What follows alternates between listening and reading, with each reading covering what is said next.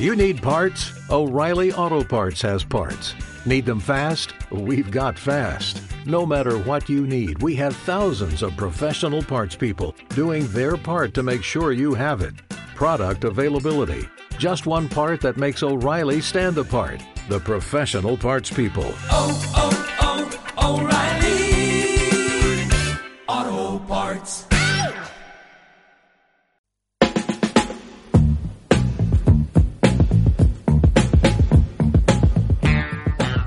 Casa de Vidre. L'espai del cinema.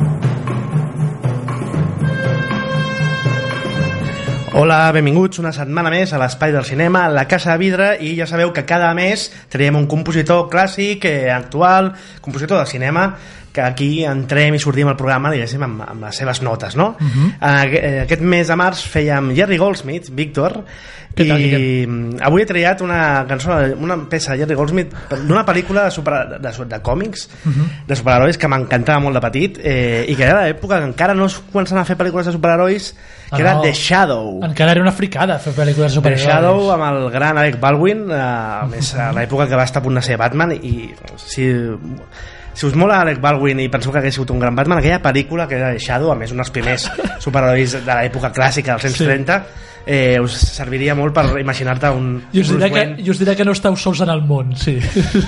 Sí, sí, perquè avui mm, parlem de superherois, Uau. perquè comencem una, una sèrie de 3 setmanes, 4 setmanes, on parlem molt de Marvel de cara a la imminent estrena el 27 de- d'abril de, Vengadores, de Infinity War, la tercera part de la saga Vengadores, diguéssim, la pel·lícula culminant d'aquest univers. Per parlar, com habi- habitualment és aquí, sempre que parlem de, de Marvel, és el David Canto. Què tal, David? Hola, què tal? Molt bé, molt maestro, maestro. Doncs bé, content. No, el, el, el, parlarem de molts superherois i a més a més és una cosa acumulativa perquè aquesta Sí. pel·lícula Infinity War hi seran tots, sí, sí, ara... com a mínim al principi ja veurem com acaba Eh, eh, eh, Tenim moltes setmanes per parlar del tema i per això avui eh, comencem una nova secció, ja veureu, eh, on fem eh, Univers Marvel a, a saco, que diríem, no? A tope, Un tio. cop assentats, vinga, va, agafem els bàrtols i comencem. Marvel, camí a l'infinit.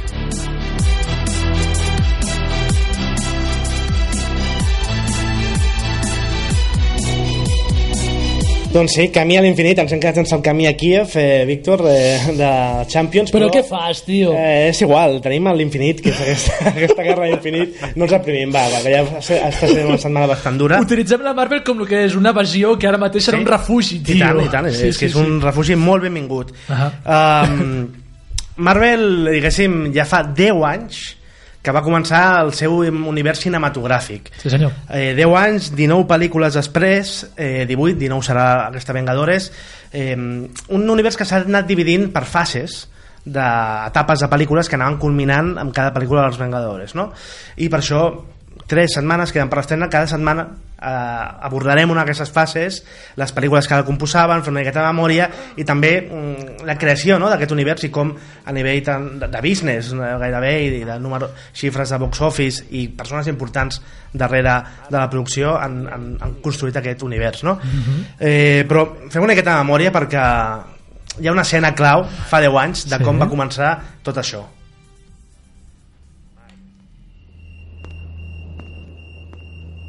Jarvis. Bienvenido a casa. Soy Iron Man. ¿Se cree el único superhéroe del mundo? Señor Stark ahora forma parte de un universo mayor. Es solo que aún no lo sabe. ¿Quién es usted? Nick Fury, director del escudo. Ah. He venido a hablarle de la iniciativa Vengador. Déu nhi David, eh, aquesta escena ja Ho preveia tot, eh? El Nick Fury, jefe de Escudo. El escudo. Aquí Shield encara era el escudo. El escudo. Uh-huh. eh, què et fa pensar aquesta... Et porta uns records, eh, David? Sí, primer perquè el, aquest Nick Fury era agafar el Nick Fury d'un món alternatiu, d'una línia de còmics que no era la- l'oficial, mm. perquè el Nick Fury sempre havia sigut blanc, però en, en aquesta sèrie era un, una còpia exacta de Samuel L. Jackson, de manera Mm. que no podia haver ningú millor per, a, per a encarnar-lo. I clar, evidentment, quan vam veure aquesta primera escena després d'acabar una pel·lícula que era meravellosa i ja et plantejava que veuries els, ven les Vengadores algun dia tots junts, això ja era per aixecar-se i aplaudir. És que déu nhi eh? ja fa 10 anys això eh, va ser tot un, un, un fenomen perquè, mira, ara deies això a Nick Fury Nick Fury, per exemple, havia tingut una pel·lícula amb David Hasselhoff a l'època fosca on la Marvel feia bueno, pues, aquelles sèries de Hulk Mhm. però que després una pel·lícula de Thor molt cutre pel·lícules allò de directes a vídeo I, I quin meravellós producte era aquest en què sortia David Hasselhoff? o la pel·lícula de S.H.I.E.L.D. Uau! Sí, sí, sí, eh, Nick Fury, jefe de S.H.I.E.L.D., algo així. Sí, sí. I Dolph Lundgren, per exemple, va ser el Punisher. Eh, tu recordes aquesta època pre- pre-Marvel, David? Bé, de, de les que eren producció seva, la majoria no valien gaire, però de, de l'època pre-Marvel, pre- pre-univers cinematogràfic, diguéssim, jo em quedo amb, amb Blade, que va ser per mi una de les, de les millors pel·lícules que vaig veure aquells anys, i, i a més a més que després vaig saber que formava part de Marvel de fet és una mica una cosa una, una mica estranya que en un univers de superherois hi hagi vampirs i, Sí. i aquest tipus de- d'éssers però també sí, sí, tenien còmics propis Tios, tios, tios. estava molt bé M'acabo d'enterar que Blade és de Marvel. No ho sabies? No, no ho sabia. Saps què passa? A tu t'ha rentat el cervell eh, tot aquest fenomen de Black Panther, no? El primer superheroi negre, eh? és quan ja fa 20 veritat, anys que, que va veure... De fet, em va molt bé que parlis de Black Panther perquè, per fer una miqueta de cronologia eh, de la història de Marvel Studios, perquè és això, estem parlant de l'univers cinematogràfic Marvel i hem de tenir molt clar que és Marvel Studios, que és un estudi propi que controla els personatges, diguéssim, sí, eh, independentment d'aquells personatges que estiguin llicenciats o venuts a altres productores, com pot ser el cas dels X-Men, que els porta Fox, no?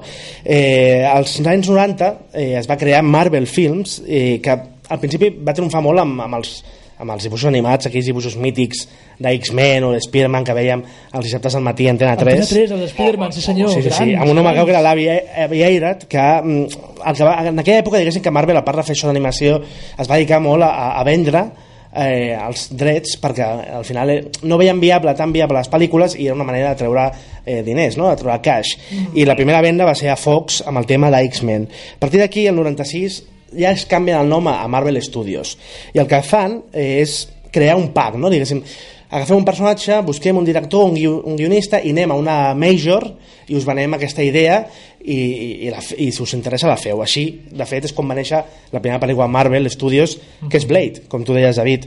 Eh, en aquella època, doncs això, ens estem 98, eh, 99, es van venent personatges, eh, el 99 Sony compra els drets de Spider-Man, que és un altre gran eh, punt fort de que el cinema, del cinema de superherois, no? l'èxit de Spider-Man de Sam Raimi. És un punt d'inflexió brutal, històric encara. Sí, sí, sí. Eh, I llavors aquí tenim fins al 2006 una època on tenim un, una successió de pel·lícules Marvel en diferents estudis com és Daredevil eh, sí, sí, déu nhi Els Quatre Fantàsticos eh, Hulk, d'Ang Lee amb Universal. Fins que arriba un dia eh, a l'època del 2006-2007 eh, que arriba un nou, un nou cap, el David Maisel, i juntament amb Kevin Feige, que serà l'home clau de tot aquest univers, decideixen que el que han de fer és produir-se ells mateixos les pel·lícules uh -huh. i amb un gran eh, eh, préstec d'aquests multimilionaris que aconsegueixen eh, agafen el compromís en un període d'anys fer ells les seves pel·lícules controlant tot, no? Mhm. tot el nivell creatiu i, i d'uns personatges que coneixen bé perquè són homes de la casa que han llegit Desapariteix, gairebé. Sí, sí. Eh, Ah, que, que, que estrany, quan em parlaves de la Marvel, eh, que, vintage, no? Que, que lluny sembla quan la Marvel encara no era una major. Uau! Clar, clar, és que- és dir, quan no era una major, dic, és veritat, va haver un, un temps en la història de la humanitat en què no va ser-ho. Sembla increïble. I perdó, abans que segueixis, si no ho dic, m'ho m'ho faig a sobre. Soc molt fan del Hulk de Langley. Molt, molt fan. Uau. M'encanta aquesta pel·lícula, ja ho està, ja ho he Tu. David, quina opinió tens, a, ja que trobes el, el tema? Jo no sóc tan, tan fan, eh? No, jo tampoc sóc tan fan, però sobre, aquest, eh, sobre el fet aquest de Marvel, abans de ser la Marvel que Mm. coneixem ara i sobretot després de Disney, eh, va, va tenir uns anys que els còmics no es venien gaire, va anar molt malament, Sí. sí. van estar a punt de, de, de caure un munt de vegades. Wow. I el fet de fer aquestes jugades, de vendre sobretot el, els X-Men, Spider-Man i els Quatre Fantàsticos, ha, ha suposat un, un cap de, un, un, un, un problema molt gran pels còmics, perquè durant un munt d'anys han estat menyspreats per, per Marvel i, i això és una mica injust. De la mateixa manera que quan els X-Men funcionaven al cinema eh, feien que els personatges dels còmics que, que canviessin d'uniforme i passessin a lluir el cuir Sí. aquell eh, estrany, doncs... que només eh, agrada Brian Singer i ho deixem aquí Exacte, doncs...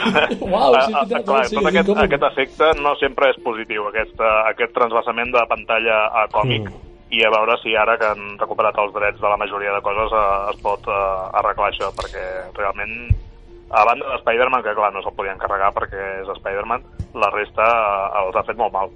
Sí, és, és curiós perquè és, és realment la història de Marvel Studios és una cronologia d'èxit, però de recuperació de, de, de drets, eh? perquè realment Sí. eh, tot comença en quan van recuperant drets, perquè aquests eh, deals que dèiem abans, aquests packs, diguéssim que, per exemple, si anaven a Newland Cinema i li oferien eh, un personatge que, per exemple, Iron Man, que va, va, pertanyar a Newland Cinema, tenien X temps per desenvolupar la pel·lícula. Si en un període de 5-6 anys no es feia, tornaven a Marvel. I, per tant, aquí, el 2005, ja comencen a tornar personatges tipus Iron Man, Thor, eh, Black Panther, que fins ara no, no, no s'ha pogut fer la pel·lícula, però imagineu-vos ja fa temps que Marvel ho va recuperar, i és quan ja finalment la visió aquesta de construir aquest univers i que cada pel·lícula sigui financada per Marvel Studios i sigui pròpia, és quan ja es porta a terme i decideixen crear pel·lícules pròpies, en aquest cas amb l'ajuda o amb el, la, el partnership de, de distribuïdores com Paramount i és quan arriba eh, aquesta Iron Man que sentíem al, al, a l'inici del, del programa i juntament al 2008 que és l'any que comença l'univers amb Hulk de Louis Leterrier um, Oh. aquestes pel·lícules David ja diguéssim eh, cadascú amb els seus temes però ja establien conceptes eh, que serien claus, no? com el Nick Fury, com a fil conductor, no? amb aquest Samuel Jackson, S.H.I.E.L.D., quins més elements eh, d'allò de construcció d'univers començaven aquestes pel·lícules? De fet, el, el fet aquest que no tinguessin a l'abast les primeres espases del, de tot aquest univers Mm. potser ha sigut en el fons positiu, perquè potser no haguessin apostat per fer Iron Man, que era un personatge de segona, o, o. Thor, o el Capitán Amèrica sí que era més conegut, però potser no, no tenia prou entitat uh, per ell sol. Uh, però a l'anar convertint aquest, uh, aquests Vengadores jo crec que, que, vull dir que els ha anat bé no, tenir, no apostar només per Spider-Mans i, i X-Men Uh -huh. el, el que té de, de bo aquest univers és que és molt expansiu, que tot el que va passant es va acumulant i fins i tot eh, això salta a la televisió on, on els efectes del que passa a les pel·lícules també eh, es trasllada allà malgrat que no han jugat a, a fer-ho fer el pas a, a l'inversa, que el que passa a la televisió també es pugui incorporar a l'univers cinematogràfic perquè tenen por que la gent no hagi vist les sèries i, i d'aquí venen jugades tan estranyes com aquesta dels Inhumanos quan Mm. ja els teníem a, a la sèrie d'Agentes de S.H.I.E.L.D. Eh, estem parlant de fase 1. Aquí jo ve, veig una, una, una decisió molt clara de eh, agafar directors una, bastant consagrats. Ha fet eh, John Favreau venia un parell d'èxits a, a la taquilla, Louis Leterrier també en el, en el món de, de l'acció. El 2010 segueix Iron Man 2, 2011 Thor amb Kenneth Branagh, eh, Capitán Amèrica el Joe Johnston també el 2011. Directors amb certa experiència i sembla que troben una fórmula iniciàtica que és un actor principal eh, o en hores baixes com a Robert Downey Jr. o desconegut, no? que realment el puguis firmar per 6-7 pel·lícules amb un sou eh, més assequible i, i secundaris de luxe. De fet, el Terrence Howard, Iron Man, cobrava 6 milions i, i, ara- i el Tony Stark, el Robert Downey Jr. no arribava ni, ni al milió, no? i d'aquí va, va venir el conflicte, Wow. o tenia Jeff Bridges. I sí que és cert que podem veure aquest fil conductor no? les pel·lícules de la primera fase que ja marquen una miqueta el motge que, que seguirien no? les següents pel·lícules. I, i després que cada una tenia un gènere gairebé propi, perquè Mm. en el, no, és, no és estrany que per Thor agafessin Kenneth Branagh, tot i que a mi el resultat no, no em convenç, perquè eh, potser el, el món en què viuen Odin i companyia seria molt shakespearià Mm. i, i és un director doncs, que això ho domina.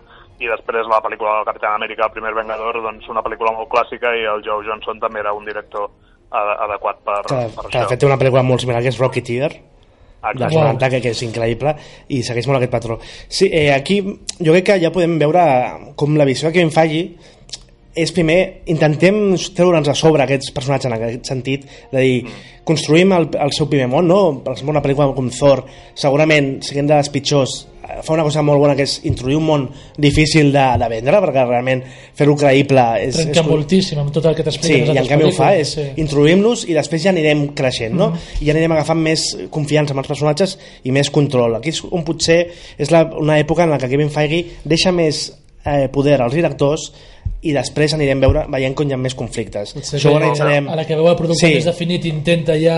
Ja us aviso, en aquesta setmana Estem estarem veient com l'evolució del, de l'univers és l'evolució també del control de, de Kevin Feige i van canviar molt les decisions en cada pel·lícula en un tema directors eh, i es nota en cada fase eh? Jo, jo, jo per un meu, perdó, eh, és que em sap greu eh, emmerdar la primera Thor. Eh, és una pel·lícula que quan la vaig veure per primera vegada em va convèncer poquet. Eh, Kenneth Branagh eh, és un director que a mi mai m'ha interessat excessivament més enllà de, de, de, de, dels seus treballs brillants, però és una pel·lícula que eh, quan la recupero ara, ara que estem eh, a les portes d'Infinity Wars, en què més que acumular s'està aglomerant tot, en què estem en unes escales Ja. ja em, si, literalment universals a mi Thor em sembla una pel·lícula dis, que, és, que juga molt a contracorrent de tot el que proposa després la Marvel és una pel·lícula relativament, òbviament molt pausada que que intenta de forma més o menys fallida, més o menys encertada, incidir molt en les relacions entre els personatges i ja et dic, la vaig revisionar farà dues setmanes i a mi em va suposar un, un alleujament del que és aquesta càrrega, aquest, aquest dinamisme, mm. d'aquesta força que, que tenen a les pel·lícules, que m'agraden molt, eh? però a mi Thor, com, com, a, com, a, com a nota discordant, jo crec que s'ha de reivindicar molt, sobretot la primera. És cert eh, que potser a la primera fase veiem pel·lícules més diferents entre si, eh? Sí, en aquest sí, sentit. sí. Eh, a nivell de xifres, clar, anem veient la primera Iron Man 585 milions a tot el món.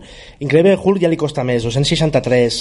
Eh, Iron Man 2, 600 i pico. Per tant, veiem que és, la força d'Iron Man és molt important. Thor, 400 i alguna i Capitán Amèrica 370 però el gran boom i per, aquí també entra molt el tema exponencial no? d'aquest Mhm. èxit de Marvel que sembla que va creixent en cada èxit és quan els junta tots per fi que és el que mm, s'anunciava sempre i el que s'esperava el maestro. 2012 amb Los Vengadores de Josh Whedon i escoltem Mhm. aquest clip que és molt mític també i resumeix una mica de l'esperit d'equip de, del que ens vindria a continuació Creo que no entiende lo que ha provocado dejando a los Vengadores sueltos por el mundo. Son peligrosos. Seguro que sí. Y el mundo entero lo sabe. Todos los mundos lo saben. ¿Qué pretende ser eso? ¿Una declaración? Una promesa.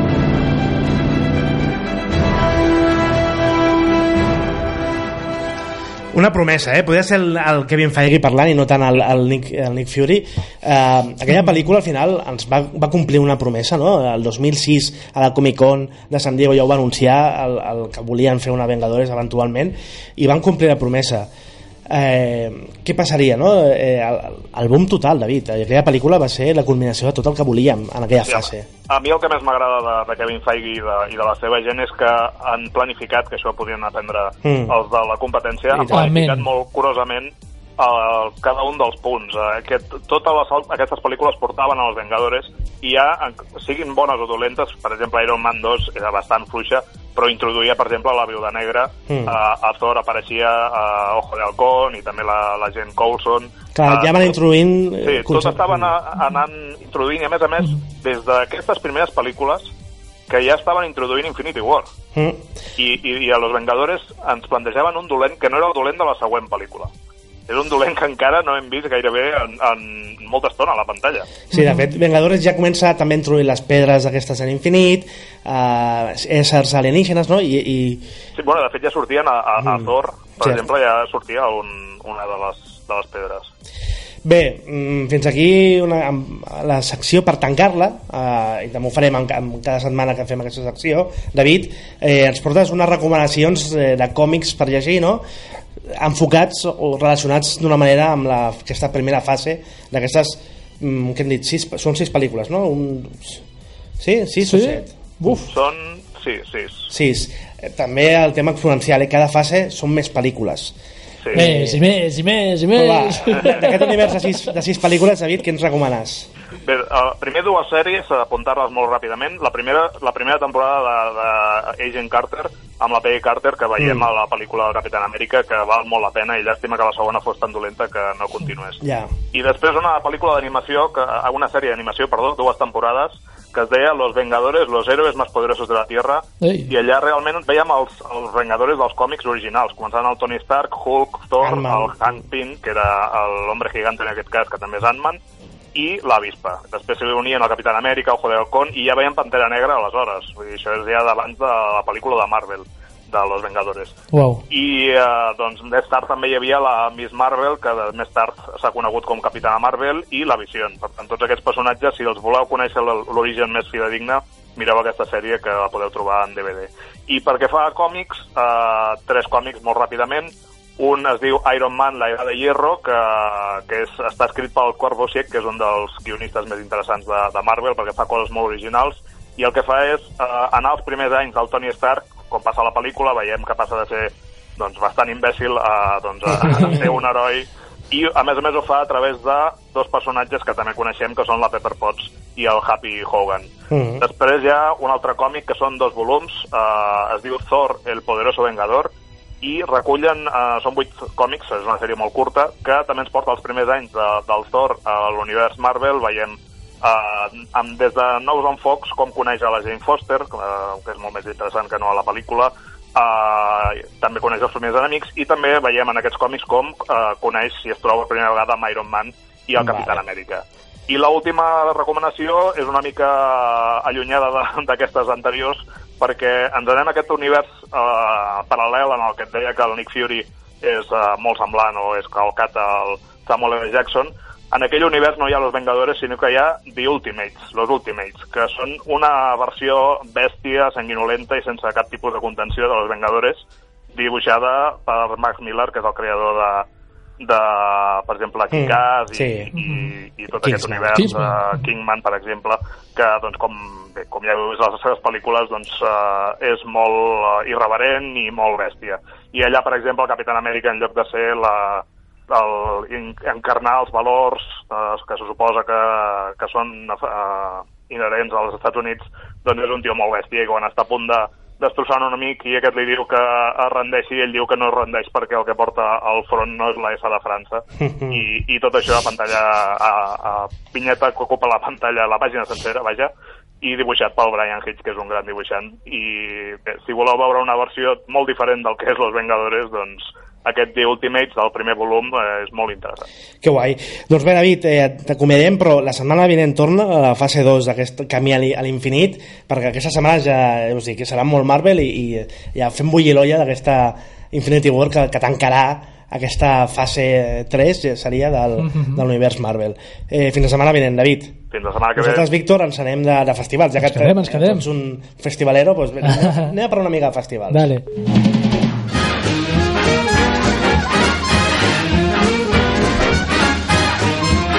De festival en festival.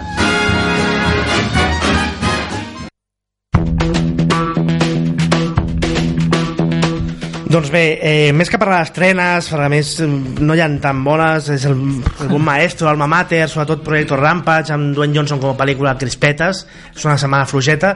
El Víctor acaba de tornar d'un festival, el de les Palmes, i es prepara pel següent, ja sabeu que és el Festival Man, Yeah. es passa la vida a festivals, i el següent és ni més ni menys que Cannes, que ja té programació oficial anunciada, Festival, sí, sí, han fet avui el primer anunci i s'ha de dir que entre la plantada de, del dia abans de Netflix i el que s'ha acabat confirmant eh, ens estem obligats a parlar gairebé més dels autors que estaven sonant moltíssim que al Mm. final no. Ja. Alguns diuen que perquè s'esperen a Venècia i si s'esperen a Venècia és per anar directament als Oscars, Xavier Dolan i el Jacques no? I Harmony els- Corinne també... Harmony Corinne també sonava, però és que clar, tio, et podria dir Harmony Corinne, eh, Ciro Guerra, Mike Lake, eh, Olivier Sayas, eh, Paolo Sorrentino, Sí. que tothom se l'esperava, el seu biopic de, No, no. de Berlusconi, i no.